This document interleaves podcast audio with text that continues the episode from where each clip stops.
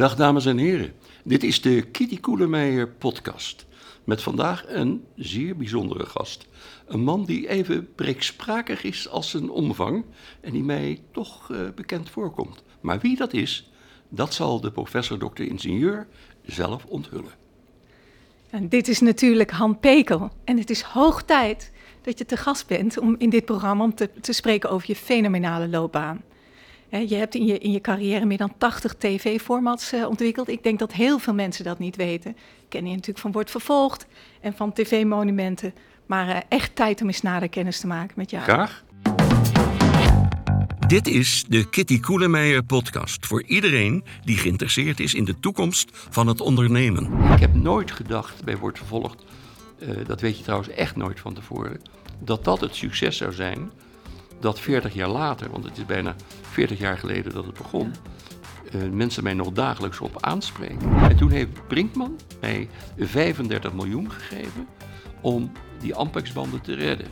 En het bedrag kreeg ik door een fout van de administratie van OCW op mijn privérekening gestort. En daar werd ik heel zenuwachtig van, want de bank ging mij bellen van meneer Pekel, er staat een vermogen op uw bank, wat doet u daarmee? toen ik mijn bedrijven achter me liet en eigenlijk weer opnieuw startte in mijn leven. Toen was dat eigenlijk voor mij een gelukzalige tijd, twintig jaar geleden zo'n beetje. Want toen kon ik mijn afmacht weer gingen uitoefenen. Fijn dat je er bent, Han. Ja, het is een uh, genoegen om in jouw podcast, want dat is voor mij natuurlijk toch een nieuw fenomeen.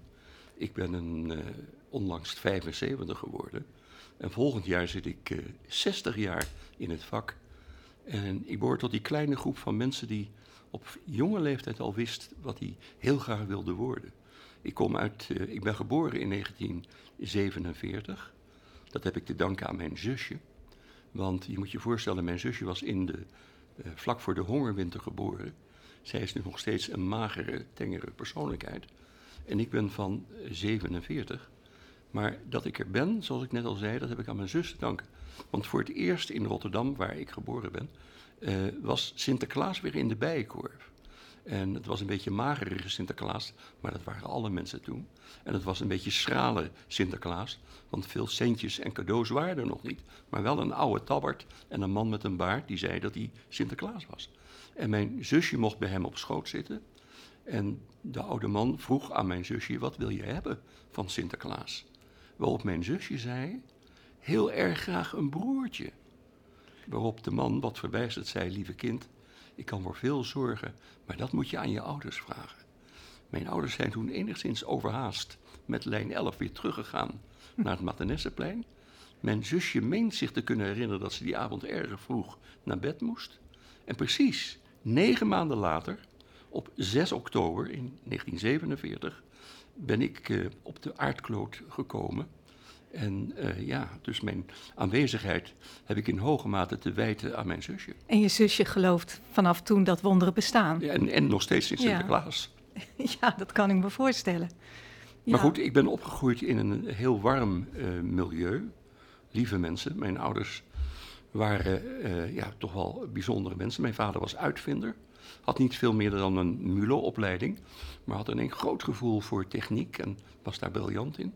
Mijn moeder was echt een, uh, ja, een lieve vrouw. Uh, haar kompas was niet haar verstand, maar altijd haar hart. En ze zei ook alles wat ze op de tong had. Dus ik moet zeggen dat mijn jeugd heel erg liefdevol en warm is geweest. En um, toen ik een jaar of zeven was, denk ik, kreeg ik van mijn vader de pionierbouwdoos 1 en 2. De wat oudere kijkers van jouw podcast kunnen zich nog wel herinneren dat in die schrale jaren 50 de televisie al aan het komen was. Uh, maar de radio was nog steeds het, grote ding. Overigens, zijsprong, mijn allereerste herinnering in mijn leven, en zal ik een jaar of vijf geweest zijn, 1950. Toen zag ik mijn vader zo voor het raam staan op de Matenesseplan. Met een draad in zijn handen. En er stond daar een, grote kast met een rond scherm. En daar bewoog iets op. En dat was een van de aller, aller, allereerste televisietoestellen. Die nog hier terug te vinden is trouwens in dit mooie instituut Beeld en Geluid. Uh, want Philips had er toen 500 uitgedeeld. Meestal in de omgeving van Eindhoven. En één in Rotterdam. En die hadden wij. Dus wij waren een van de allereerste die televisie kijken. Maar heel raar, ik vond televisie fantastisch. Maar ik droomde later om bij de radio te komen. En dat kwam door die pionierbouwroos 1 en 2. Want dan kon je een kristalontvanger bouwen. En in die schrale jaren 50 lag ik dan te luisteren in een kamertje waar geen centrale verwarming was. We hadden toen nog echte winters, dus de ijsbloemen bloeiden op de ramen. En lag ik te luisteren naar uh, ja, mooie programma's, maar ook hoorspelen. Je had de hoorspelkern toen nog. En ze hadden Paul Vlaanderen. En dan hoorden die, die dames en heren van de hoorspelkern, die praten heel netjes zo van... Paul, Paul, Ida, Ida. En dan hoorde je weer zo'n ja, zo'n zo'n hekje, dat ging dan piepend open uit de hoorspelstudio. En dan was er een bak met grind en dan deed iemand daar stappen in. En dan hoorde je voetstappen op het grind. En nou, als je dan in donker, onder de dunne dekentjes, een beetje rillerig, lag te luisteren, dat was fantastisch. En toen kwam later, sprong in het heelal, zes raketten die naar Mars gingen. Nou, uh, jaren geleden, een jaar of twaalf geleden, hebben ze me in België in een heel leuk televisieprogramma aan een leugendetector gelegd en de vraag gesteld, live in die uitzending: Han, ben je op Mars geweest? En blijkbaar zagen de deskundigen in die beweging dat ik inderdaad, echt voor mijn gevoel, was ik op Mars geweest. Hm. Maar dat was dus die gebeurtenis in het luisteren naar hoorspelen. En toen in die tijd dacht ik, als er nou één ding is wat ik graag in mijn leven wil, dan is het werken bij de radio. En dat, dat heb je gedaan, hè? Je was heel jong toen je al die eigen radioprogramma maakte. Ja, ik was 15 geloof ik. Ja, 15 in september uh, eh, 1963 mocht ik bij Radio Veronica mijn eerste radioprogramma maken. Een serie van 12 uitzendingen op de zaterdagavond. Uh, onder de mooie titel Wie in Nederland wil zingen. Ik was als puber uh, gegrepen door het Nederlandse luisterlied wat toen in opkomst kwam. nog steeds, denk ik, hè? eigenlijk nog steeds. Het is een rode draad in mijn leven, Kitty, moet ik zeggen. Ik vind het zo mooi als mensen in Nederlandse taal gezongen een gevoel weten over te brengen die me raakt, die me beweegt. En ook mijn eigen gevoelens heb ik proberen in liedjes te vangen. Eerst op Spotify kan je heel wat van mijn recente werk terugvinden. Maar goed, het begon echt dankzij een hele goede lerares geluk hebben is ook goede leraren hebben, eh, goede inspiratoren. Ja. En ik had last van dyslexie, dat heette toen nog niet zo erg. Dat heette toen woordblindheid. En ik moest in de eerste of de tweede klas van de middelbare school, Montessori Lyceum in Rotterdam, moest ik voor het bord komen en ik moest iets opschrijven. En dat lukte niet. Ik was zenuwachtig blijkbaar. En ja, een klas van 13-jarigen, nou die kunnen echt homerisch lachen. Dus ze lachten me totaal uit. Maar mijn lerares Nederlands, mevrouw Keerperstein, die zei: Je moet even blijven. En die zei: Oh, Han, ik beloof je, je zal nooit meer, zolang je hier op school zit, iets op het bord hoeven te schrijven. Dat doen we niet meer. Maar je mag je niet te neer laten slaan. Want je hebt een heel goed gevoel voor taal. Je kan mooi vertellen. En je gaat het helemaal verder ontwikkelen. Je gaat je manier van spreken ontwikkelen. En dat leren, dat woorden neerschrijven, dat is oefening. En ik ga ook stimuleren dat je voor de schoolkant gaat schrijven. En schrijf je wel eens een gedichtje? Dat moet je ook gaan doen. Nou, toen ben ik eigenlijk liedjes gaan schrijven. Maar ik maakte ook interviews voor de school. Hoe oud was je toen? toen was ik was 14, 15 toen, in die tijd. En ik hoorde van al die mensen die ik ton, toen mocht ontmoeten, van Jaap Fischer tot aan Jules de Korte, dat iedereen klaagde over Hilversum dat hun werk nooit gedraaid werd.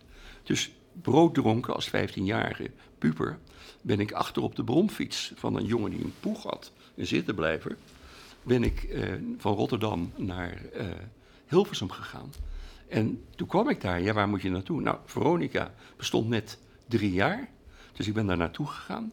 Uh, woonde, ze woonde op de Zeedijk. Nou, ik dacht, waar is de zee en waar is de dijk? Het bleek een heel Agenebi straatje tussen V&D en nog een andere winkel te zijn. En ik had, natuurlijk moet je vaak in het leven geluk hebben, op het juiste moment ergens komen.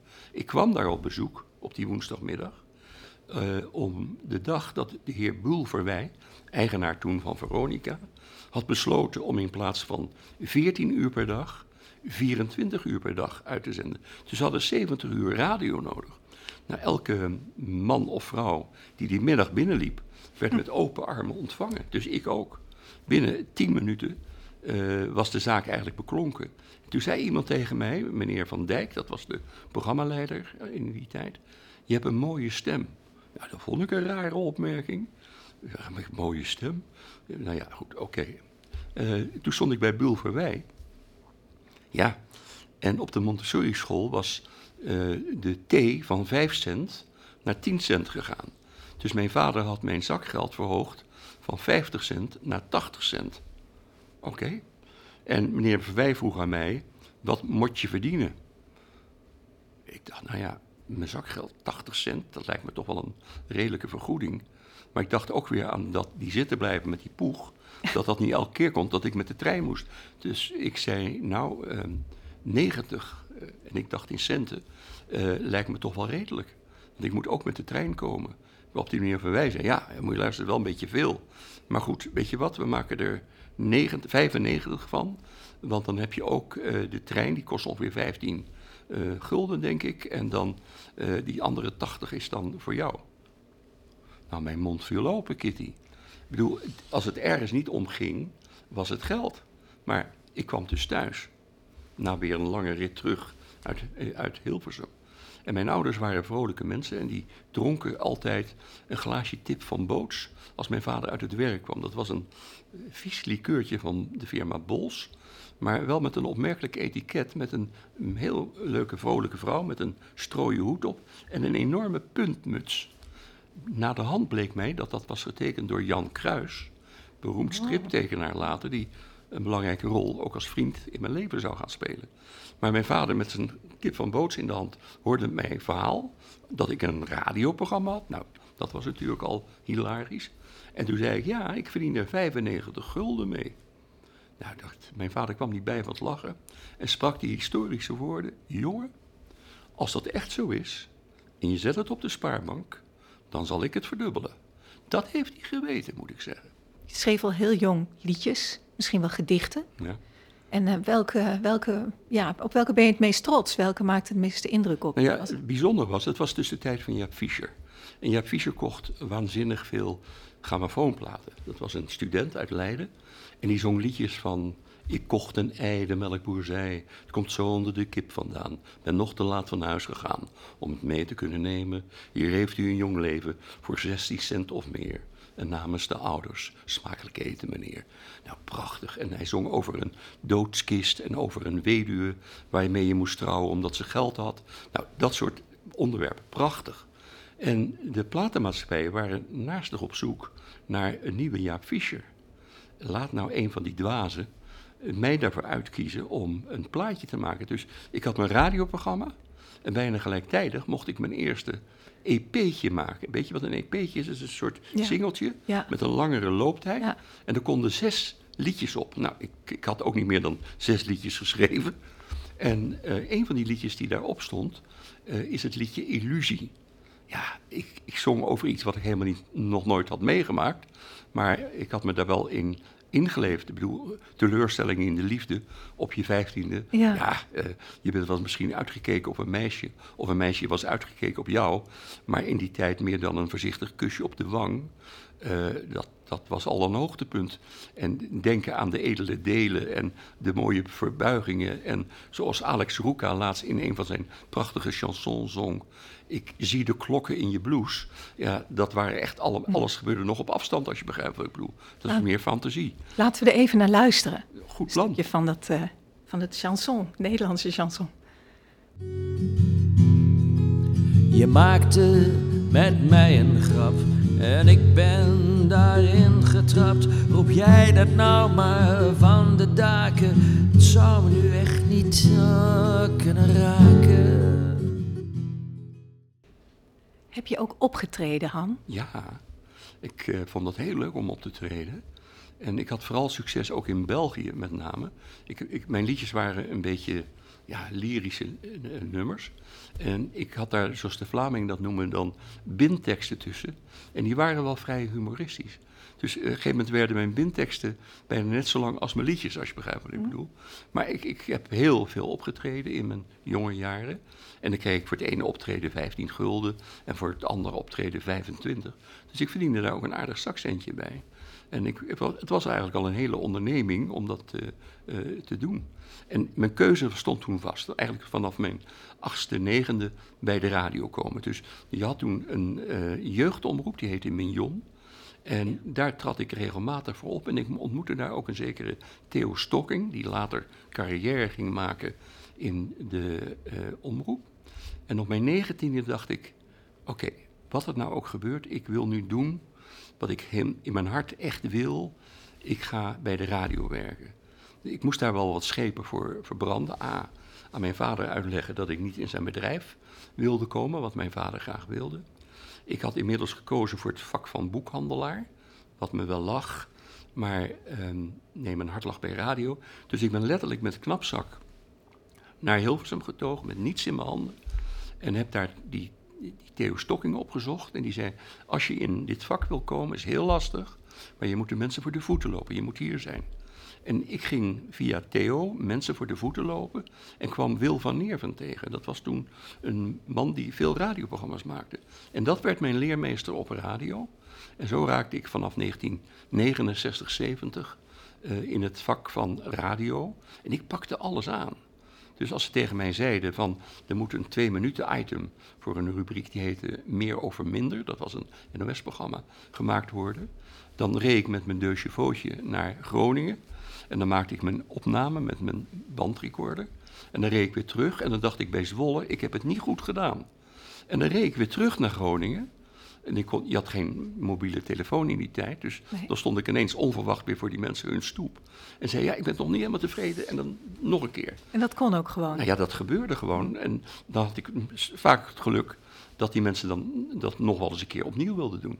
Maar ik bedoel, zo leerde ik het vak door het te doen en over de schouder van anderen uh, kijken. Die stem heb je natuurlijk gekregen, hè? Ja, dat is een geschenk. Ja. Iedereen in jouw familie zo'n mooie stem. Mijn vader had precies dezelfde stem. Dat gaf wel eens lastigheden, want hij, mijn vader was ook een ondeugende man. En dan belde een meisje op waar ik, eh, laten we zeggen, voorzichtig kusjes mee uitwisselde. En dan deed mijn vader net of hij mij was. Oh. En dan hoorde hij heel veel informatie. Die zei die jongen, dat... Dus uh, nee, nee, mijn vader had ook een hele mooie stem. Je dochter heeft ook een hele mooie stem. En mijn dochter zeker. Die ja. verdient ook uh, voor een deel haar brood. Uh, ja. met haar stem. Want je kan op televisie, als het om een jonge vrouwenstem gaat, dan een van de drie is mijn dochter wel, Cato Margot. Ja, prachtig. Die, die, je deed dus eigenlijk van alles, hè? Je, je, je, je schreef, je, je, je, was uitvoerend artiest, je trad op, je maakte radioprogramma's, je was ook nog boekhandelaar. Hoe komt het dat je alles bij elkaar deed? Dat was in die tijd waarschijnlijk geen, geen, geen echte, echte beroep, hè? Programma's presenteren. Nou ja, het, het, had al wel, het was wel een ambacht. Dus je kan wel zeggen dat het wel een beroep was. Ik heb dat een jaar of tien gedaan, denk ik, dat radio hm. presenteren, aan radio bezig zijn.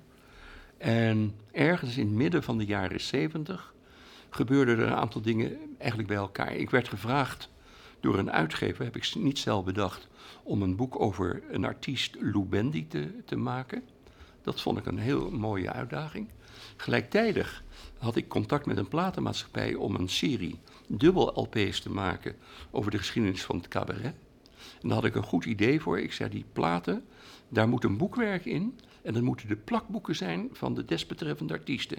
Van Toon Hermans of uh, Herman van Veen. Nou, die, die telde toen nog niet zo mee. Maar uh, mensen als Seth Geikema en anderen waren toen ook wel heel belangrijk. En uh, die plakboeken, bijvoorbeeld van Seth Geikema, die toonden een mathematisch mens. Iemand die fanatiek alles inplakte.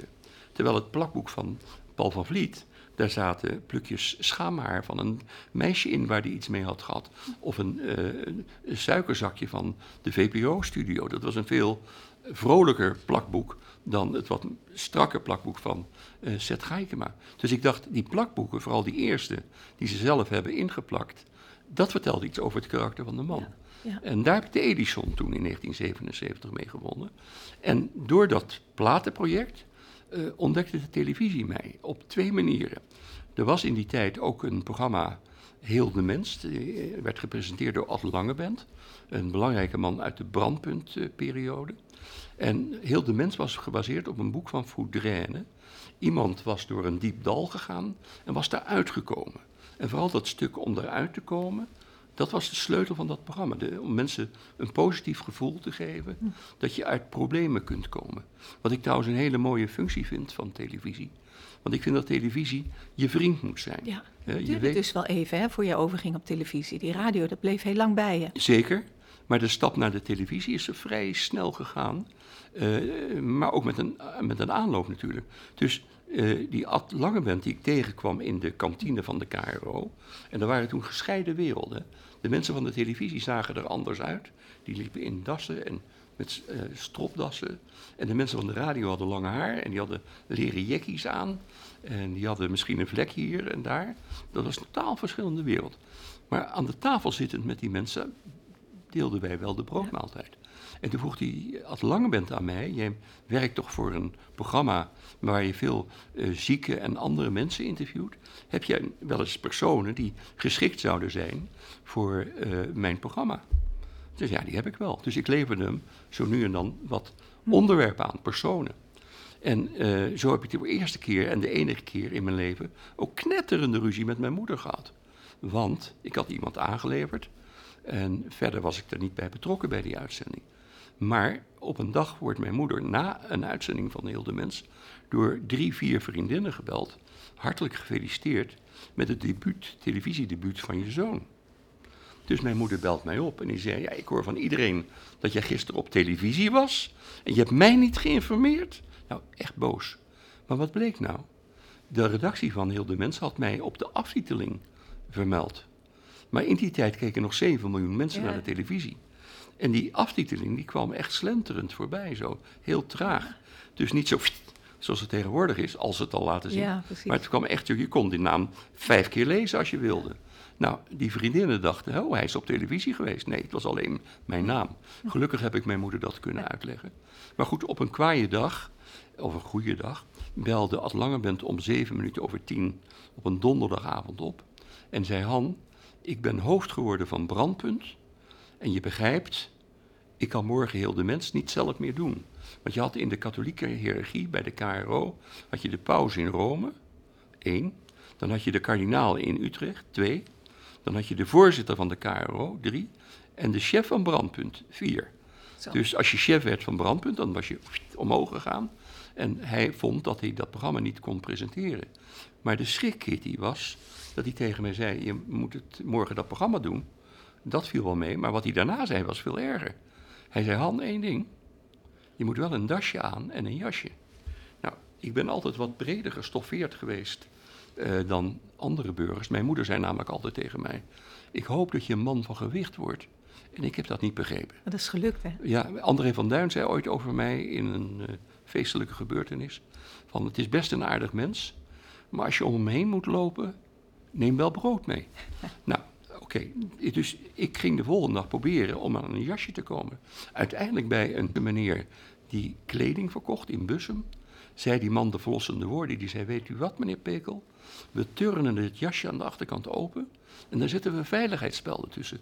Dan krijgt u de allure die u toekomt. Nou, ik blij naar de studio toe. Een woedende regisseur, want die wilde een over-shoulder maken. Dus een shot waar je mij dan op de achtergrond eh, ziet zitten en de geïnterviewde aan de voorkant. Maar dat kan natuurlijk niet met zo'n opengeturnd jasje. En het tweede was, die meneer die daar zat, was Jan Huijers. Dat was een man die in, toen hij 23 was door een auto-ongeluk blind was geworden. En zich had teruggevochten als ondernemer. En op zijn veertigste miljonair was. En zijn geld en zijn kwaliteiten te diensten stelde voor blinden en slechtzienden. En die zei, oh, wat leuk Han. Want ik had hem een aantal keren Ja. voor de radio geïnterviewd. Kom je me succes wensen? Ik zei, het is veel erger. Wat dan Han? Ja, eh Ad heeft mij opgedragen om jou te interviewen. Oh, zei de man Vond hij niet zo leuk. Eh, heb je dat vaker gedaan? Ik zeg nog nooit. Hij zegt, hou je maar aan mij vast. En die ging het verhaal vertellen over zijn leven, zoals hij dat nog nooit had gedaan. En ik was natuurlijk een radioman. En je weet, het verschil tussen radio en televisie in die tijd was... dat Willem Duis stelde een vraag die duurde 2 minuten en 12 seconden. En dan zei de ander, ja meneer Duis. En dan stelde meneer Duis een vraag van 21 seconden. En dan zei de ander: Nee, meneer Duis. Dat was dan een interview op televisie. Maar bij de radio was het: de beste vraag was een vragende blik. Zoals jij me nu steeds meer uit mijn tent lokt. door vragend naar mij te kijken en mij de ruimte te geven om uh, mijn verhaal te vertellen. Uh, dat gebruikte ik op televisie en dat was nieuw. Ja. Dus dat werd een redelijk succes. Ja. Ja. En zo uh, door twee dingen. Door dat programma Heel de Mens en door die serie Wie in Nederland wil zingen, die platenserie. Die werd vertaald naar televisie. Zo ben ik in 1975 bij de televisie terechtgekomen. Niet omdat dat ik dat zo graag wilde, maar omdat dat me de kans werd geboden. Ik ging met aarzeling, heb ik de radio losgelaten, want daar voelde ik mij volledig op mijn gemak. Ja, dat begrijp ik. En je, je had toen ook dat onderscheid. Hè? Je was een televisiemens of een radiomens. Zeker. En jij hebt eigenlijk die crossover gemaakt. Ja. Maar je bent ook al vrij snel daarna gaan ondernemen. Hè? Want je, je, hebt, hè, wat, zoals gezegd, meer dan 80 tv-formats gemaakt. Dat, dat, dat is op enig moment gebeurd. En in de jaren 80 uh, was het zover. Of gebeurde het al eerder? Nee, het, ik, ik, heb, ik had het erg naar mijn zin bij de KRO. En mijn, een van mijn leermeesters was Richard Schoonhoven, de directeur van de KRO. En ergens in 79 zei hij tegen mij: uh, ik, ga jou, ik heb een plan, jij moet uh, uh, wat, wat hoger komen. Ik geloof dat hij mij mediadirecteur wilde maken of iets wat daarop leek. En dat vond ik erg spannend. Maar toen kwam ik bij mijn echte leermeester, Barry van Kampen, dat was de chef van de amusement. Overigens ook de bedenker van iemand als Joop van de Ende. die heeft hij echt gestimuleerd om voor zichzelf te beginnen. En die zei tegen mij, toen ik dit vertelde, Han, dat moet je niet doen. Jij moet ondernemer worden. Ik ondernemer worden. Ik lachte me een kriek. Ik was zo blij dat ik bij de KRO in vaste dienst was. Ik was daar zeer tevreden. Hij zei, nee, jij moet hier weg. 1979, 80, hè, zei hij dat. Over vijf jaar bestaan de omroepen niet meer. Jij bent ondernemer. Ik zeg, waar, waar kom je daar nou bij? Dat ik ondernemer ben. Hij zegt, Han, jij komt elk jaar met 150 ideeën. En ik kijk naar de raarste en die probeer ik dan in je schoenen te schuiven om te kijken of je dat voor elkaar krijgt. Vervolgens krijg je een budget van 180.000 gulden om het product te maken. Ik heb hier 90 mensen werken. Jij bent de enige die na een half jaar terugkomt en zegt: Ik heb nog 46 mil over. Uh, waar, wat moet ik daarmee doen? De rest komt 46 mil erbij vragen. Jij bent ondernemer. Ik zeg: Dat ben ik absoluut niet. Maar ja, het was toch een beetje gezaaid. En toen waren Ja, er twee mensen die me over de streep trokken. Dat was de reactie van mijn echtgenoot Thea. Die zei, van alle voorstellen die je van de KRO hebt gehad, is dat van Warrie eigenlijk het beste. En mijn vader zei tegen mij, Han, als je dat nu niet doet, hou je heel je leven spijt dat je de kans niet hebt gemaakt. En wat is je risico? Ja, je kan op je, op je gezicht gaan. Maar dat is beter dan het niet te doen. Neem het risico. Ja. En dat heeft me toen in 80 de moed gegeven om op onafhankelijk televisieproducent te zijn. En dat was toen totaal nieuw. Ja, hij was de eerste misschien. Nee, dat was niet de eerste. Joop van den Ende was al vier jaar bezig en had al een behoorlijk niveau bereikt. John de Mol was acht maanden voor mij begonnen. En gelijktijdig was eh, René Stokvis bezig. En een paar jaar later was Harry de Winter. En Harry de Winter was ook al bezig met popconcerten, maar die was nog een beetje het vak aan het vinden van producenten. Dat was de hele club zo'n beetje. En wij behoorden tot die eerste generatie Ja. vrije producenten. Nou, dat woord is volkomen verkeerd gekozen. Want je bent natuurlijk als vrije producent volkomen in de macht van je verplichtingen, de kettingen van je verantwoordelijkheden naar personeel en op, op, op, eh, alles wat daarbij hoort. Maar ook afnamegarantie had je, hè? Als je met zo'n klein clubje was en de omroepen. Nee, dat hadden wij niet. Was dat niet? Nee, helemaal, dat bestond niet. Had je geen contract met de, met nee, de omroep? Nee, het- nou ja, wel, dat moest je dan zelf Ja. opbouwen. Hm. Maar daar moet ik er wel bij zeggen, eh, die omroepbazen van toen, de Kees den Dazen en de Warry van Kampen en hun collega's, die vonden het wel leuk om eens een keer uit dat strenge regime van de NOS hun eigen gang te gaan. Want ik weet wel dat ik op een gegeven moment bij eh, Kees den Daas kwam. Die was toen televisiedirecteur. En dan gingen wij anderhalf uur praten over de inhoud van een idee. En wij hadden als investering, ik had dat bedrijf samen opgericht met een paar andere mensen.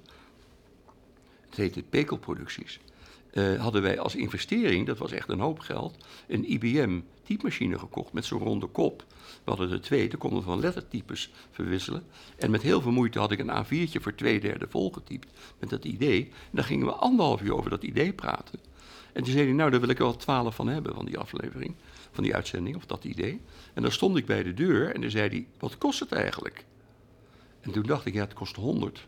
Maar hij zal natuurlijk willen afdingen. En dan zei ik, nou 120. Zei hij, kan je daarvoor maken? Dan wil ik er 44 hebben.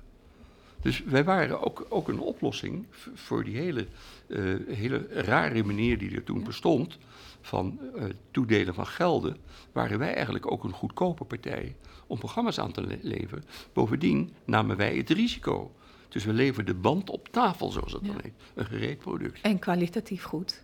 Ja, meestal wel. We deden wel ons stinkende best op. Maar wordt een van mijn allergrootste successen later wordt vervolgd. Wat we in, eh, in 83 ontwikkelden eigenlijk. Eh, nou, ja, Wouter Stips, die daar een hele belangrijke rol in heeft gespeeld. Als vormgever en regisseur. Kees de Bree, die eh, inhoudelijk alles is van tekenfilms en strips. En ik als presentator, als, dat is mijn idee. Eh, wij hebben echt maanden moeten leuren met wordt vervolgd. En eh, een had Rob Oud het gekocht. Nee, zijn medewerker had het gekocht. Maar Rob Oud vond het niet goed. Kees en Daas wilden het kopen, maar zijn baas zei... wat moet die pekel na zes afleveringen? Dan heeft hij alle striptekenaars gehad. Dus het, het, het lukte niet. En toen stond, ik maakte ook nog radio in die tijd. Toen stond ik op de stoep van de AVRO en kwam de legendarische Ger Luchtenburg tegen. De man die Mies Bouwman haar eerste kans heeft gegeven en Willem Duis. En die zei, Han, je kijkt niet vrolijk, dat ken ik niet van je. Toen zei ik tegen Ger, Ger, ik heb een fantastische pilot met een heel goed televisie-idee, denk ik. Maar niemand ziet het zitten en ik ben overtuigd dat het een succes is. Nou, zei hij, dat vind ik interessant. Kan je over anderhalf uur komen? Ik zei, ja, graag. Dus ik met mijn bandje met het programma naar Ger toe. En daar zat ook aan die tafel Jan Bijl. En Jan is de broer, of was de broer, van Martine Bijl. En die was net twee weken hoofd jeugdprogramma's. En die heren keken naar ons programmaatje, wordt vervolgd. En zeiden, wat leuk, we, willen wel dertien doen. Ze werden dertien weken lang op donderdagavond van zeven tot half acht uitgezonden. Maar dat was zo'n succes. De AVRO had lang niet meer meegemaakt dat na de eerste uitzending er honderdduizenden briefkaarten binnenkwamen met een heel eenvoudig quizje wat wij in dat programma hadden laten zien. En de kijkcijfers logen er ook niet om. Dat, je had verschrikkelijk veel ideeën. Hè? Ja. Hoe, filterde die, hoe filterde je die? Eh, heel simpel. ehm, een goed idee, heb ik geleerd in mijn leven, dat moet je in twee minuten kunnen vertellen. Heb je er vijf minuten voor nodig, dan moet je nog wel luisteren. Maar iemand die een half uur aan het vertellen is over een idee, dat is geen goed idee. Het kwam in je op, hè? Die Ja. ideeën komen in je op. En ga je dan eerst kijken naar, heeft de markt hier behoefte aan? Of keek je gewoon alleen maar van, vind Nee. ik het een leuk idee en kan ik het Ja. concreet maken? Na de hand, kijk, wij waren Ja. de pioniers. En ik zou jokken dat. ehm, ik denk dat ook mijn collega's toen, John en, en, en Joop. we deden het op ons gevoel. En we waren niet zo handig. Ik bedoel, van Joop is het bekende verhaal. Dan had hij een programma en dan stond die trap hem niet aan. Maar die had 80 mil gekost. En dan zei hij: die trap moet weg, er moet een nieuwe trap voorkomen. Maar die 80 mil was de winst in het hele project. Wij maakten wordt vervolgd. En eh, ja, wat moet je daar dan voor vragen? En dan, dan waren we ook waarschijnlijk te goedkoop. Dus de, en, en ik heb nooit gedacht bij Wordt Vervolgd, eh, dat weet je trouwens echt nooit van tevoren, dat dat het succes zou zijn dat 40 jaar later, want het is bijna 40 jaar geleden dat het begon, eh, mensen mij nog dagelijks op aanspreken. Ja, maar het is creativiteit in een team of Ja. van jou als persoon. Nee, het is ook een team. Het is nooit een. Kijk, je hebt een idee. En bij Wordt Vervolgd was de briljantheid van Wouter Stips. Die de vormgeving bedacht. Die zijn broer eh, Robert-Jan Stips de tune liet maken. Het was de kennis en de know-how van, Wouter van eh, Kees de Bree. die met enorme goede tekenfilms kwam. Het was mijn misschien, meneer misschien. eh, ik, was echt een, ook een tekenfilmfanaat en een stripliefhebber. Dat ik me richtte naar de kijkers op een manier, dat bleken vaak jonge kinderen te zijn, maar die nam ik heel serieus. Dus ik had geen ome hand toontje van, nou gaan we weer eens leuke tekenfilm kijken. Nee, ik vertelde heel exact waar het over ging en waar ze op moesten letten en wat iets meer zijn. Ik denk dat het serieus nemen van kijkers van alle leeftijden, dat dat is een belangrijk deel van het succes. Toen ik Telekids produceerde met Irene Moors en Carlo, hadden zij dat ook al uitgevonden, dat dat de toon was in mijn andere kinderprogramma's, zoals Mijn Eerste Keer of dit is Disney, eh, hebben wij dat ook altijd gedaan. Eigenlijk eh, is het serieus nemen van je kijkers de basis van je succes. Nooit ze onderschatten, maar wel proberen op de juiste toon ze te bereiken. En ehm, pas veel later gingen we kijken naar marktmechanismes. Maar in die eerste tien jaar was het echt het gevoel en eh, dat je zelf enthousiast was voor een idee. En dat je dan dat uitwerkt. En later, toen dat bedrijf steeds groter werd, was mijn rol als producent om vooral te zorgen, als ik een programma over rode bussen had verkocht, dat mijn redactie er niet van maakte een programma over blauwe fietsen, als je begrijpt wat ik bedoel. Hoe gaat dat nu? Met die Nu? nieuwe formats. Dat, dat gaat op een hele andere Anno, manier. 19, Ja. anno 2022. Ja, Nou ja, het is natuurlijk nu echt een. eh, de, de, het is echt een industrie geworden. Die kijkt naar marktmechanismes, naar ontwikkelingen. En daarom is er wel iets van de charme van televisie verdwenen. Kijk, in de tijd dat mensen nog uit hun gevoel, uit, uit, uit hun onderbuik iets maakten. Dat is lange tijd. eh, het is, is niet verdwenen, maar is wel veel minder geworden. Kijk, vroeger in de jaren tachtig, als wij dan met zo'n omroepbaas praten, die kon zelf beslissen. En dan had je binnen een half uur een afspraak. Of een deal. Tegenwoordig, met het systemen die er nu zijn, hoor ik van mijn collega's, want ik doe dat natuurlijk niet meer, eh, dat het soms twee jaar duurt, drie jaar duurt, voordat een idee op de buis te zien is. Dat is een lange tijd. ja. En bij jou ging dat razendsnel. Ja, omdat En- die tijd, ik had natuurlijk, omdat je pionier bent, ik, Ja. zit je in, in het vak. Heb je ook ideeën gehad die verschrikkelijk geflopt zijn? Jazeker. Ik bedoel, je Oh, kan nooit Die we niet meer kennen nu? Misschien wel. Ja, er zijn echt programma's geweest eh, die ook. Ik had een, we hadden ooit een geweldig idee om een programma te maken over This is Europe. Dat was een humoristisch programma toen Europa steeds meer een eenheid werd. Dachten wij, nou, daar moeten we dan een Europees eh, satirisch programma maken. Werd ook in het Engels opgenomen, tonnen in geïnvesteerd, geklapt. Het is nooit verder dan een pilot gekomen. Een ander project wat mislukt is, schromelijk mislukt is, maar niet om de kwaliteit, maar omdat de tijd niet rijp was, was een programma waarin wij zeiden: eh, we maken een programma over beroemde historische figuren. Eh, we hebben gekozen toen voor Leegwater, de man die de polders heeft uitgevonden. En dat hebben we dus helemaal. We hadden een scène met 800 figuranten daarin. Samen met de NOS hebben we dat toen geproduceerd. De VARA zou dat willen uitzenden. En dat is eh, niet nooit verder dan die pilot gekomen. Maar die pilot is wel in Japan uitgezonden. Omdat de toenmalige ambassadeur uit Japan eh, een enorme fan was van leegwater. Leegwater was in Japan bekender dan in Nederland. Nou, zo kan ik nog een heleboel dingen. Kijk, je moet honderd ideeën hebben eh, voordat er één lukt. Je, we zitten nu in het gebouw van beeld en Ja. geluid. Nou, daar ben ik de, de, de mede de founding vader van. Ik heb in 1988 eh, de Ampex-banden gered door de toenmalige minister te overtuigen dat die Ampex-banden waren namelijk de eerste tapes, 35 jaar lang, waarop analoog televisieprogramma's werden opgenomen. En die werden te oud, die waren aan het verkruimelen. En daarmee zou 35 jaar televisiegeschiedenis verdwijnen. Ik heb tegen de minister gezegd, Brinkman en zijn staf, Harry Kramer en Kees Vis, jongens, dit is cultureel erfgoed. Dit is de geschiedenis van jou en mij. Dat moeten we bewaren. Want als je dat niet bewaart, dan, eh, dan, dan zal je afhankelijk zijn. Ik had een filmpje gekregen van actualiteitsvrienden. wat de Russische televisie had uitgezonden over Nederland. ging over de kwaliteit van de Nederlandse melk. Wat lieten ze zien als het over Amsterdam hadden? Beelden uit Kopenhagen. Wow. Als het hadden over die koeien, dan zag je van die Zwitserse koeien op een wei, net niet paars geverfd, zag je staan. Dus dat klopt niet. Ik zeg, als je wil dat dit de toekomst wordt, dan moet je nu niks doen. Wanneer was dat? In 1988. En toen heeft Brinkman mij 35 miljoen gegeven om die Ampex-banden te redden. En dat bedrag kreeg ik door een fout van de administratie van OCW op mijn privérekening gestort. En daar werd ik heel zenuwachtig van, want de bank ging mij bellen van meneer Pekel, er staat een vermogen op uw bank, wat doet u daarmee? Meneer Schimmel belde mij op, herinner ik mij. Dus ik heb het binnen vier dagen overgemaakt naar de NOS. En een goede vriend van mij, Willem van Kooten, zei: Je bent ook een stommeling. Dat is overheidsgeld.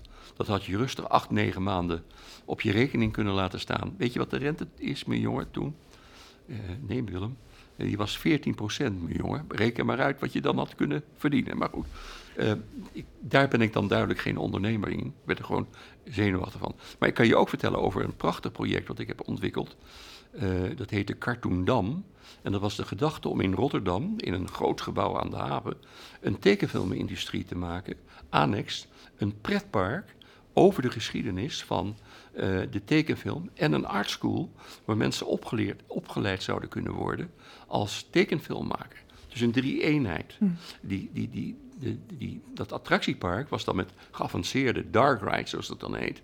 Waar mensen dan de Tom en Jerry historie Ja. konden zien. Of de Roadrunner geschiedenis. Of eh, nou ja, alle mogelijke vormen van tekenfilms konden bewonderen. Die art school leidde op voor de industrie. En de industrie zou dan tekenfilms gaan maken. Nou, dat is een prachtig plan. Dat is heel Ja. ver gekomen. Maar uiteindelijk toch niet doorgegaan. Omdat het, er was veel geld voor nodig. Dat toch niet bijeen was te, te, te brengen. was toen ook niet zo de tijd van pretparken. Hè? Ik denk tien jaar Klopt. geleden was dat een beter moment geweest, twintig jaar geleden dan Ja, toen. Ja, ik denk het. En zo kan ik je, bedoel, Ja. kijk, zonder mislukkingen. Eh, eh, ik heb ook wel eens een keer een enorme faux pas gemaakt met een fiscaal advies wat ik kreeg van de Nederlandse Middenstandsbank, die mij uitlegde dat belasting betalen, eh, dat je dat toch een beetje anders moest doen dan wij braaf deden. En dat je daar routes voor had, die heette, heette fiscaal ontwijkend gedrag, noemden ze dat. Er was een hele afdeling bij die toenmalige NNB-bank waar ze dat soort constructies maakten. Het bleek fraude te zijn. En om een lang verhaal kort te maken, toen wij ontdekten dat dat echt eh, ja, niet mocht, toen waren we al te laat. Dus daar heb ik wel eens een keer voor een rechter mij moeten verantwoorden. Dus ondernemen, ik zeg altijd, kijk ook naar mijn gelaat. Eh, het is niet alleen de successen van Wordt Vervolgd of 12 steden, 13 ongelukken of eh, de familie Ouderijn of noem maar op. Het zijn ook de straattegels die je in mijn gel- gelaat ziet. Want een ondernemer die niet tegenvallers heeft, een ondernemer die ook fouten maakt, een ondernemer die de plank mislaat, is geen ondernemer.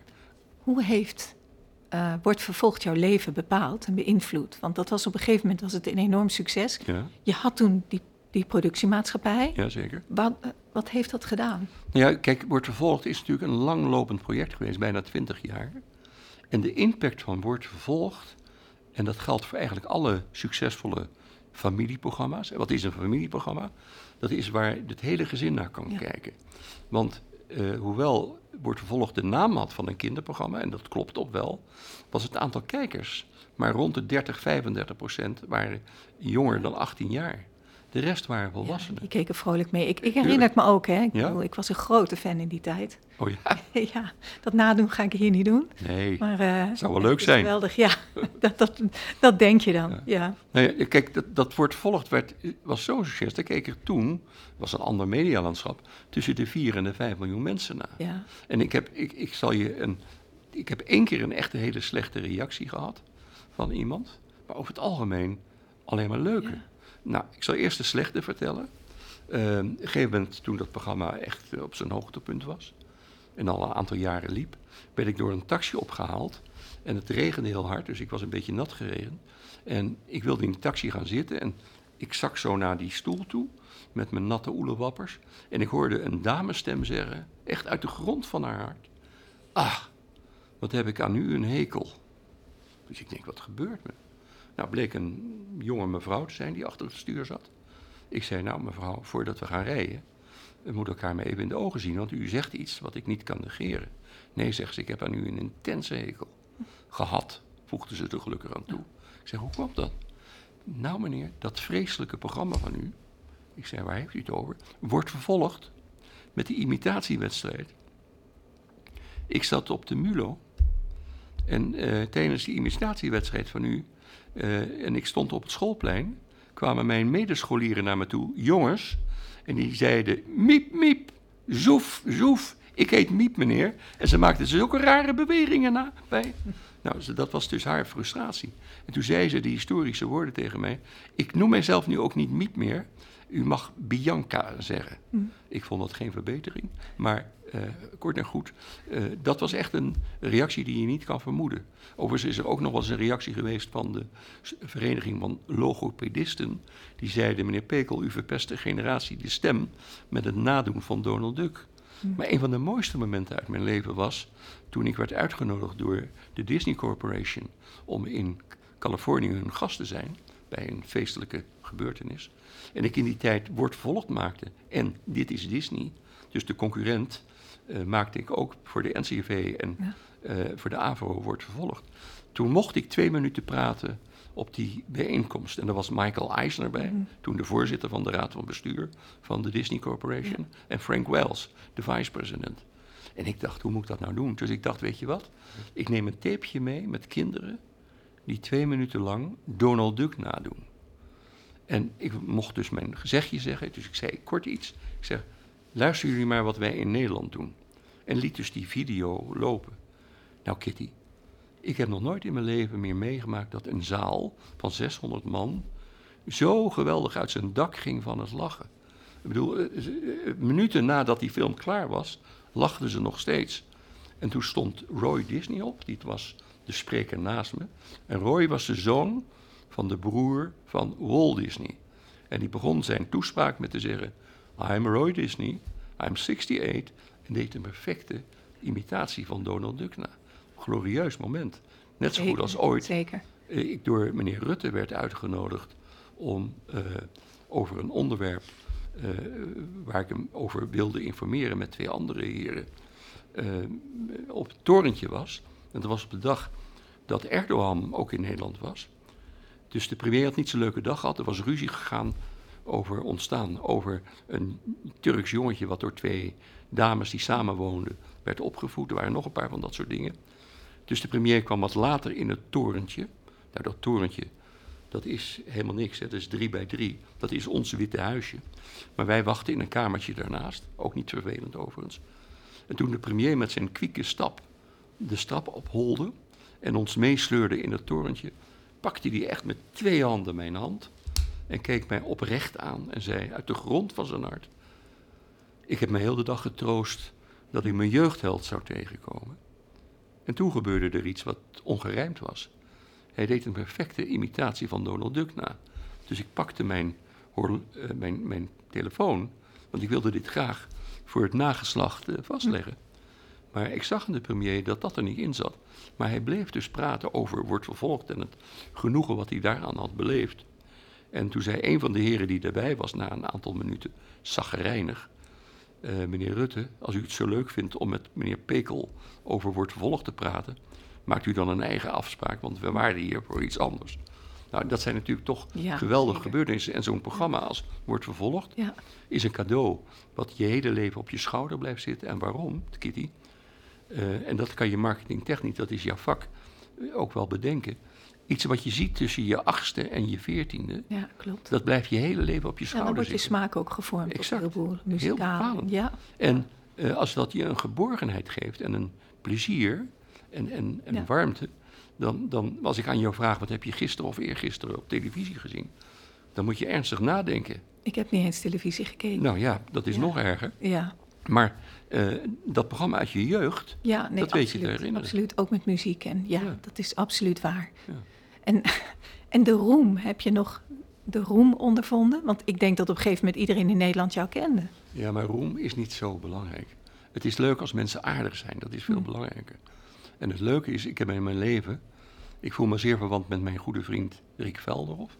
Wat ik een, een van de beste televisiemakers vind van 70 jaar televisie. Die maakte wel luidende televisie. Met een beschaving en een eh, erudiet zijn, maar ook altijd positief. Ik behoor tot de school van eh, positieve televisie. Ik vind dat televisie is je beste vriend. En waarom is die je beste vriend? Gemiddeld kijkt de Nederlandse televisiekijker nog ruim drie uur televisie per dag. Ja, dat Drink vind tot je door, drie uur veel. televisie per dag. We slapen langer, hoop ik voor iedereen. En we werken hopelijk ook een aanzienlijke tijd. Maar dan staat televisie toch waarschijnlijk Ja. op de derde plaats. Want je besteedt meer tijd aan de televisie. Als je de telefoon niet meetelt, hè? Want die, Ja, die telefoon tussen de eh, is door. nog iets anders extra's erbij. Die, die, drie uur is echt alleen televisie kijken of Netflix kijken of dat soort dingen. En je moet je dan realiseren dat je aan de liefde minder tijd besteedt. Aan het lezen van goede boeken minder Mm. tijd besteedt. Misschien ook aan je kinderen minder tijd besteedt. Mm. Dus de televisie is een compaan in het leven. De Nederlandse samenleving zou er totaal anders hebben uitgezien als de televisie er niet was geweest. Sorry. Maar dit, dit was niet alles wat jij deed als ondernemer. Hè? Nee. Er is ook nog een, een, een aspect aan jouw ondernemerschap... Wat, wat misschien niet veel mensen weten of meer weten. Nou ja, ik, toeval, toen ik net begon, eh, was er een zekere beroemde journalist, Henk van Gelder. Ik meen dat hij in de NRC toen een, een, een, over mij en mijn stap een artikel schreef. Want dat was natuurlijk tegen de natuur dat je de veilige positie van zo'n, en ook wel zeker zin machtige positie van vaste medewerker in een, uh, bij een omroep, dat je die verliet voor het hachelen avontuur van het vrije ondernemerschap. Dus hij schreef een ja, indrukwekkend artikel waarin het woord communicatie, wat niet mijn jargon toen was, uh, werd gebruikt. En toen werd ik de volgende dag gebeld door meneer Bernard Ruis, toen voorzitter van de raad van bestuur van de Netloid.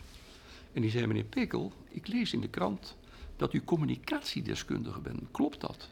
Nou, voordat hij die vraag kon stellen, zei ja, ja, ja, zeker. Hij zegt, meneer Pekel, we hebben een communicatieprobleem bij de Netloid.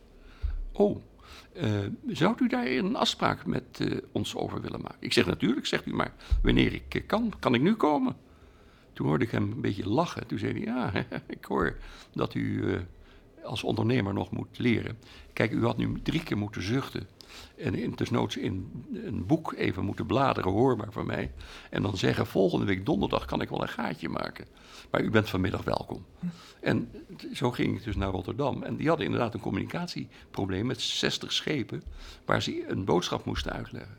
En ik had dat nog nooit gedaan. Maar heb geholpen om die boodschap naar die bemanningen over te brengen. En die meneer Ruis vertelde dat aan uh, de toenmalige voorzitter van de KLM, de heer Orlandini. En uh, meneer De Zoet was daar ook bij betrokken, die hoorde dat blijkbaar. En toen werd ik gebeld door de KLM. Ja, we hebben een groot communicatieprobleem en vooral een motivatieprobleem. Uh, wij hebben een aantal bedrijven uitgezocht om in competitie met voorstellen te komen. wilt u daar aan meedoen? Nou, wij waren met twee man en een halve paardenkop. En uh, dat leek ons de grote KLM om daar iets voor te bedenken. Dus we hebben ons best gedaan om met een plan te komen. En er waren grote Amerikaanse bureaus ook bij betrokken, als ik me goed herinner. En wij hadden gezegd: luister, als je succesvol een boodschap wil overbrengen, dan moet je zorgen dat degene die je wil bereiken, A, bereid is om ernaar te luisteren, en B, die boodschap eigen te maken. En ik gaf een voorbeeld van de middelbare school, mijn eigen Montessori Lyceum. We hadden een rector, die heette Van Dijk. Nou, als die meneer Van Dijk iets te vertellen had, wat zinvol was, dan kon je als scholier niet er naartoe gaan van... Hoi, meneer Van Dijk gaat iets vertellen. Dan moet je zeggen, vergeef me het woord... wat zou de oude lul nu weer te oude bed hebben? Ja. Tegenzin er naartoe. Nou, een bedrijf is precies hetzelfde. Dus je moet eerst zorgen dat er een nieuwsgierigheid komt. Dat kan je bijvoorbeeld doen doordat je een aantal mensen in een bedrijf zich zogenaamd in ontmoetingen in de kantine of in het restaurant zich te laten verspreken over iets wat er komt. Dus dat er een soort natuurlijke uh, rol op gang komt, een soort natuurlijke nieuwsgierigheid. Twee, uh, hoe maak je nou dat die ander, die werknemer, gedwongen wordt om jouw boodschap over te nemen? Bovendien moet je je ook nog realiseren dat meestal de raad van bestuur en de leidinggevende twee jaar bezig zijn om het probleem zich eigen te maken. En ze denken dat dan in tien minuten uit te leggen aan hun personeel. Hm. Nou, dat werkt natuurlijk niet. Dus je moet er ook vooral tijd voor nemen en geven om die boodschap over te brengen. Maar wat zeiden we nou? Je moet je medewerkers dwingen om het verhaal door te vertellen. Hoe doe je dat? Door hun partners bij het verhaal te betrekken. Om die ook te informeren. Het ook zichtbaar te maken op televisie en radio en in de krant. Zodat als iemand op een verjaardagsfeest komt, de, de meute zegt tegen die persoon: hé, hey, jij werkt toch bij de KLM? Daar is iets aan de hand. Wat gebeurt er nou? Dus zo hadden we een heel uitvoerig plan gemaakt. En we wilden een theater bouwen, groter dan Carré, in de zogenaamde Hanker 10. Dat was de grootste hal waar die Boeings werden gedaan. En dan wilden we per keer 3000 KLM'ers bij elkaar brengen. En die gezamenlijk motiveren door vilijne humor eerst erin te brengen. Uh, te laten zien wat de concurrentie deed, weet je wel. En spot ermee drijven. En uiteindelijk dan die mensen op het goede been krijgen. Nou, spot bedreven we ermee in die voorstelling. Door de heer uh, Duisenberg, toen de voorzitter van de Nederlandse Bank, te laten zeggen over die KLM. Nou ja, die Royal Class. Ik, het zal wel Royal zijn. Maar ik heb toch elke keer het gevoel alsof mij een gunst wordt bewezen dat ik mee mag vliegen. En die broodjes, nou het is maar goed dat je het raam niet open kan doen, want je zou ze anders zo naar buiten flikkeren. Zo oud zijn ze. Nou, er zaten al die KLM'ers recht overeind, want aan de KLM mocht je niet zitten. Maar dat is wel een prima klimaat om volledig de aandacht te hebben en dan langzamerhand jouw boodschap in te pekelen. Nou, dat hebben we gedaan en dat bleek ook te werken, bleek ook een succes te zijn. Maar vooral ook het feit dat je tijd neemt, blijft herhalen, de boodschap. Nou, werd, ik heb nooit reclame daarvoor gemaakt, maar van KLM kwam ik bij AXO terecht, met name bij de zoutdivisie. Daar had ik natuurlijk wel mijn naam mee, Pekel, hè, want dat was hun business voor een deel. En ik weet wel dat daar een baron de, de leiding had van het bedrijf. En uh, dat was een miljoenenopdracht. En na drie weken belde hij me op. Hij zei: We hebben eigenlijk een, de hele investering in jou alweer ruim terugverdiend. Want ze wilden gaan staken. En ze hebben ons nu toch besloten om het voordeel te geven van het project Beter Werken, wat je voor ons bedacht hebt. En het feit dat ze nu al een aantal dagen niet staken, betekent dat we onze investering in die, in die motivatieproject hadden verbeterd. Maar in, in, als je wil motiveren, dan moet je warm naast je mensen gaan staan. Dan moet je die hukken, als je begrijpt wat ik bedoel. Maar je moet ze ook stevig je verhaal helder en simpel vertellen. En het blijven herhalen. En het blijven onderhouden. Want motivatie is niet iets wat blijft. Dat gaat op en neer. Je bent een heel inhoudelijk mens, heel ja. betrokken bij je vak. Maar keek je toen ook zakelijk naar wat je aan het doen was? Zakelijk ja, genoeg? Uh, we maakten goede begrotingen en verdienden daar ook zeker een behoorlijk bedrag mee.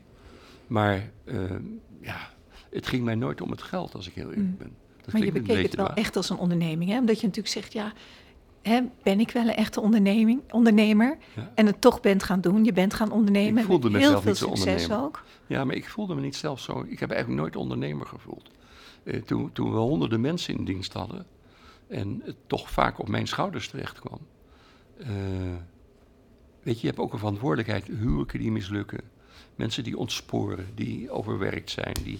Ik was heel veel van mijn tijd met dat soort problemen bezig. Bovendien hadden we toen kantoren in, in België.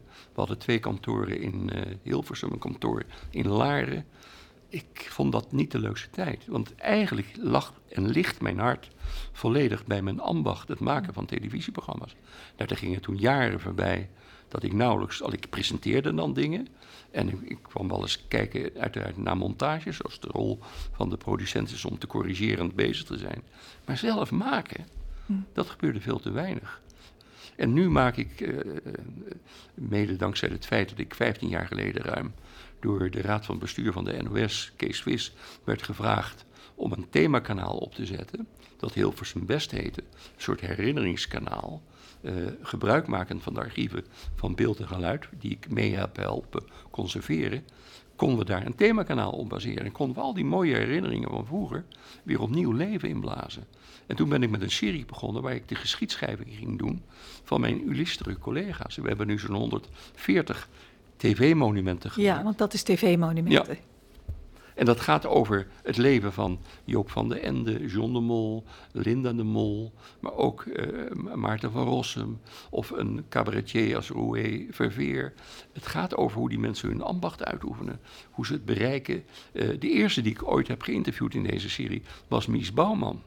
Nou, van Mies Bouwman bleken eigenlijk geen echte interviews te bestaan. Ja, leuke optredens bij Ivonie. Maar dan ging het over een voetbalwedstrijd of een leuke anekdote. Je hebt maar, meerdere historische interviews afgenomen. Ja, exact. Ja. En het is heel interessant voor uh, het vak. Maar ook voor de mensen die zich daarin willen verdiepen. Maar ook voor het publiek. Om te horen hoe een loopbaan niet alleen maar een weg is van louter succes. Maar hoe je je daarin ontwikkelt. Wat je leert van dingen die verkeerd gaan. Want eigenlijk leer je altijd veel meer van dingen die ja. verkeerd gaan. Dan uh, het succes. Kijk, het succes is een beetje eenzaam. En je staat ergens dan, als je een groot succes hebt, op zo'n bergtop. Er hangen daar wat wolken omheen. Je kan nog wel een beetje naar het dal kijken. Maar het leven gebeurt in het dal, niet op die bergtop. En, en die tv-monumenten, heb je, je hebt nu 140 interviews. Ja. Heb je een lijst, een wishlist? Ja. hoe lang is die? En nou, gaat die is honderden, door? Honderden? honderden, honderden mensen. Want kijk, er komen ook gelukkig steeds weer nieuwe mensen bij. En er zijn altijd veel meer mensen dan je denkt. Ik heb nou net ook een, uh, een, een tv-monument met Carlo en Irene gemaakt.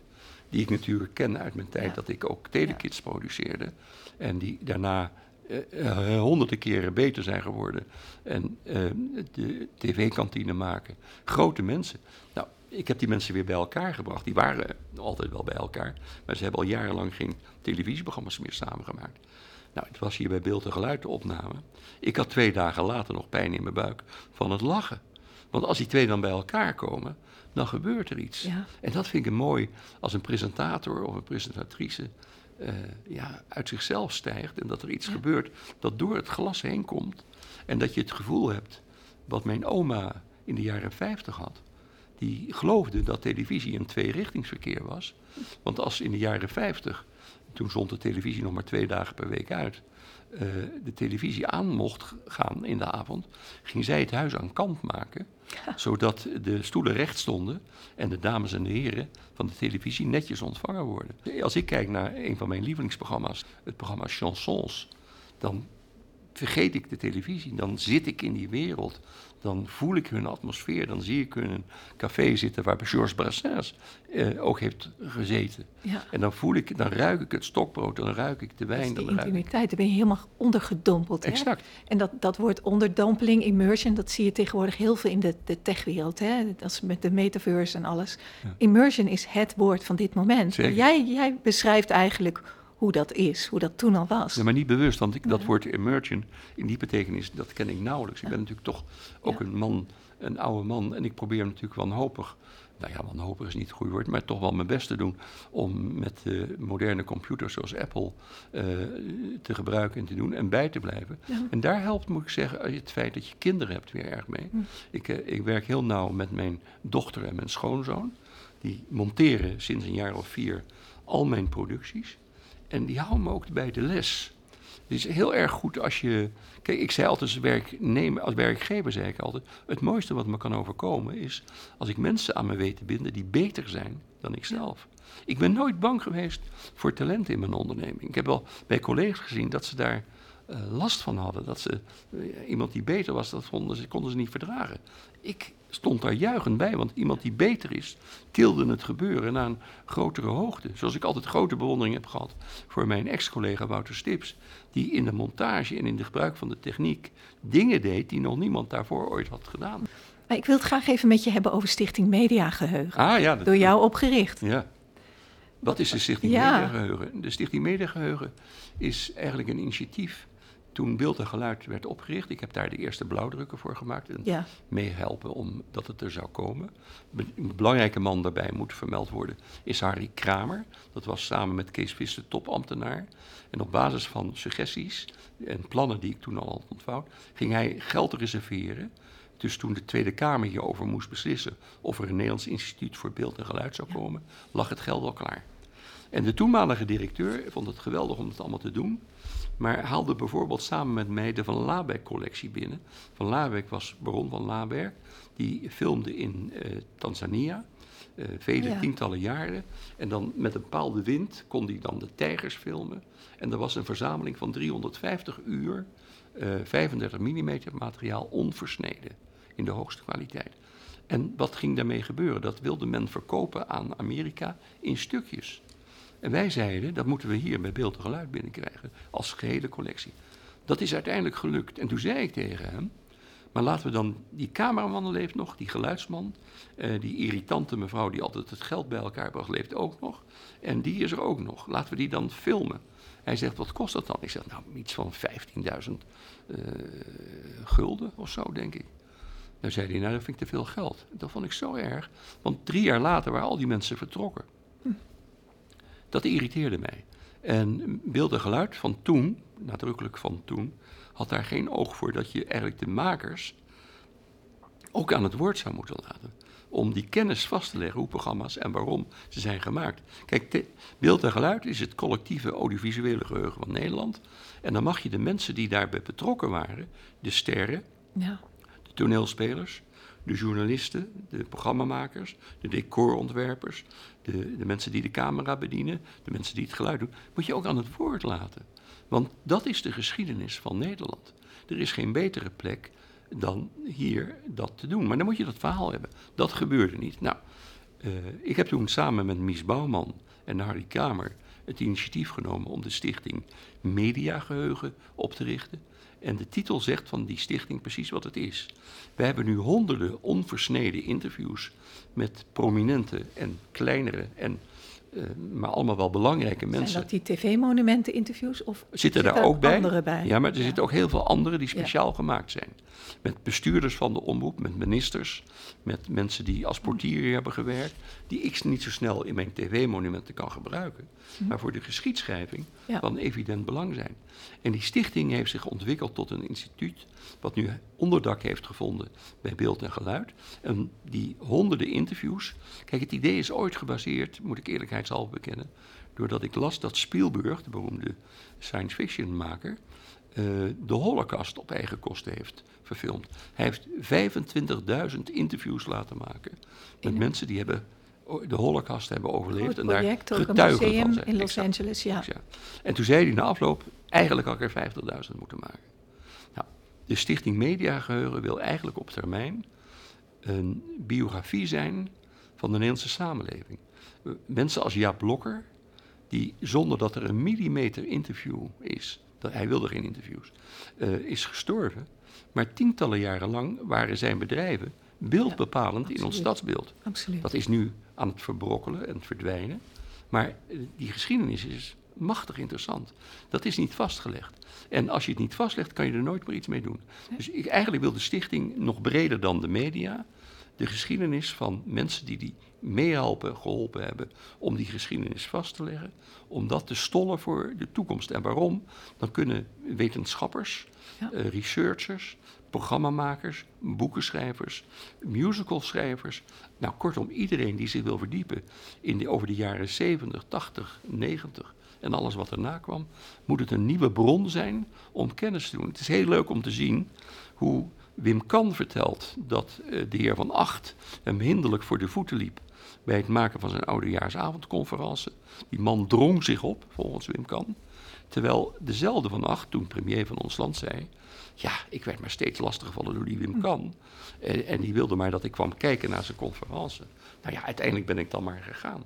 Nou, dat kan je door middel van eh, de bronnen van uh, beeld en geluid kan je zien hoe verschillende personen over eenzelfde gebeurtenis een commentaar geven.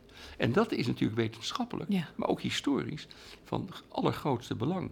Uh, een van de mensen die ik zeer bewonder is Hans Goedkoop, de man die meer dan 800 andere tijden heeft gepresenteerd. En dat is ook iemand die de stichting een warm hart toedraagt. Die zegt, kijk, de toekomstige programma's kunnen voor een deel gemaakt worden dankzij de Stichting Mediageheugen. Ander voorbeeld. Twee jaar geleden werd er over Pierre Jansen. Zeg jou die naam nog maar? Zeker, ik ken die kunstprogramma's. Ja, kan je dat nog ja, herinneren? ik herinner me dat zeker. Die man die met die hele Mijn moeder was een enorme bewonderaar van hem. Oh ja, wat leuk. Het was die man met een soort spastische beweging. Ja. Lange, magere heel mager, Heel nerveus. Maar kon, kon, heel mooi vertellen over kunst op een manier onnavolgbaar. Leen Timp, de man van Mies Bouwman, was de regisseur. En omdat ze toen nog niet zoveel camera's hadden, heeft hij met één camera, nam die, die uh, man op. En ik, Leen Timp was natuurlijk de man die ook heel veel met hem heeft samengewerkt. Toen werd er een documentaire over die Pierre Jansen gemaakt. En de makers zaten in zak en as, want er was geen interview met Leen Timp. Dachten ze. Tot iemand bij beelden geluid zei, ja, dat is er wel. Bij de Stichting Media, drie kwartier lang. En Leen Timp vertelt dat die beweging van die man, van die Pierre Jansen, voornamelijk uh, zichtbaar waren op het moment dat hij op televisie kwam. Als een soort aandachtstrekker. Uh, wij dachten thuis, een beetje toen we daarnaar keken, van oeh. Uh, Wat een bijzondere een man. Bijzonder man. Ja. en, nou, en, en de samenwerking, daar vertelt LinkedIn ook best wel wat dingen over. Die niet allemaal positief zijn, als je begrijpt hoe. Maar dat maakt natuurlijk toch zo'n documentaire ja. dan extra kracht. En dat is precies wat wij willen. De geschiedenis van Nederland in de mooiste en de pure vorm vast te leggen. Namelijk verteld door de persoon zelf. Dat wil zeggen, uh, de oudste vaardigheid ja. van de mensheid is het vertellen van een verhaal. Niet het oudste beroep, dat is heel iets anders. Nee. Maar de oudste vaardigheid is het vertellen van een verhaal. En decennia lang, eeuwenlang, uh, tienduizenden jaren lang, is het vertellen van de geschiedenis oraal doorgegeven en doorgegeven. En het is nog steeds mooi als je iemand in je familie hebt die de familieverhalen mooi kan vertellen.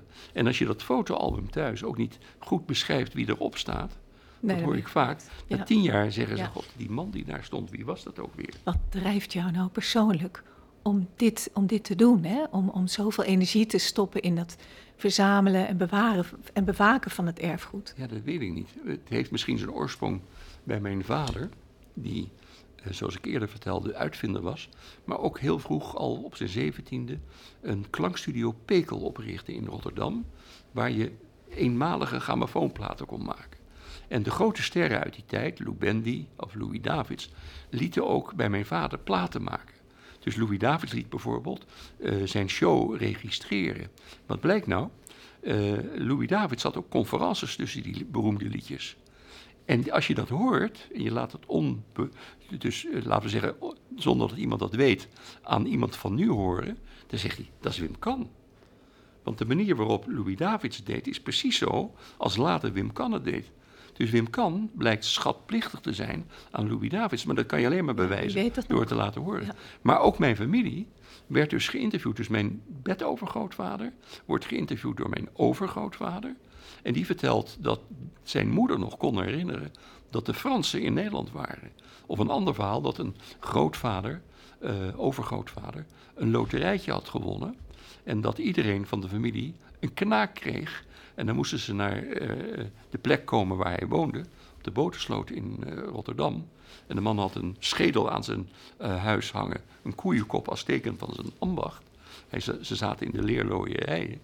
En eh, dan, ging die, dat familielid, vertelt dan in 1932, dat hij met een koets naar huis ging en een beste kruik eh, jenever kocht voor anderhalve cent en vijf cent besteedde aan een mooie kist met sigaren.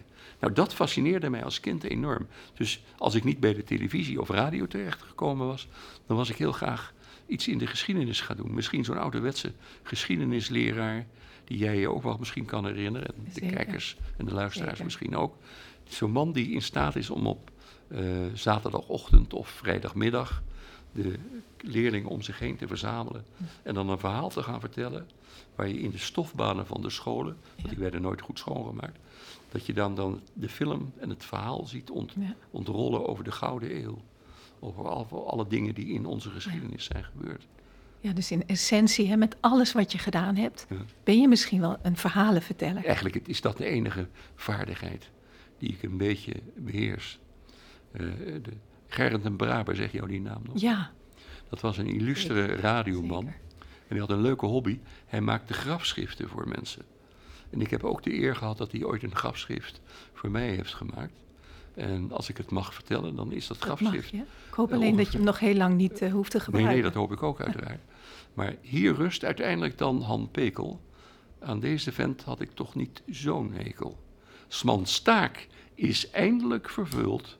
Goddank, de kerel is uitgeluld. Fantastisch. Dank je wel, Han, Graag gedaan. dat je hier was. Dankjewel. Dank je.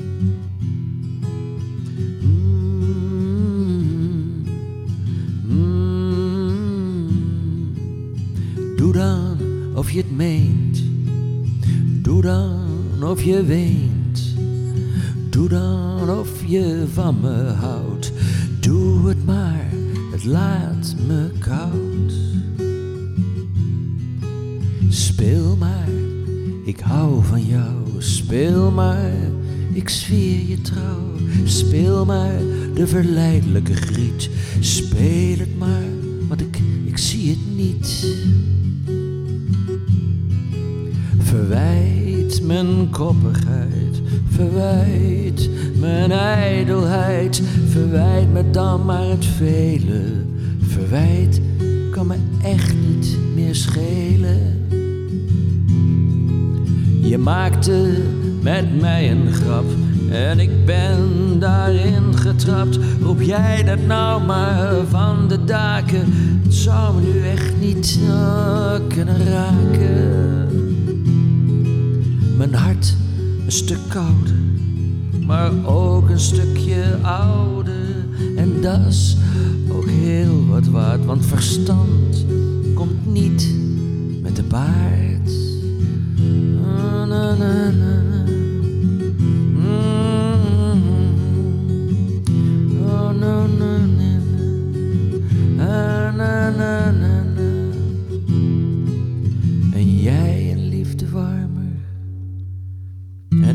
illusion.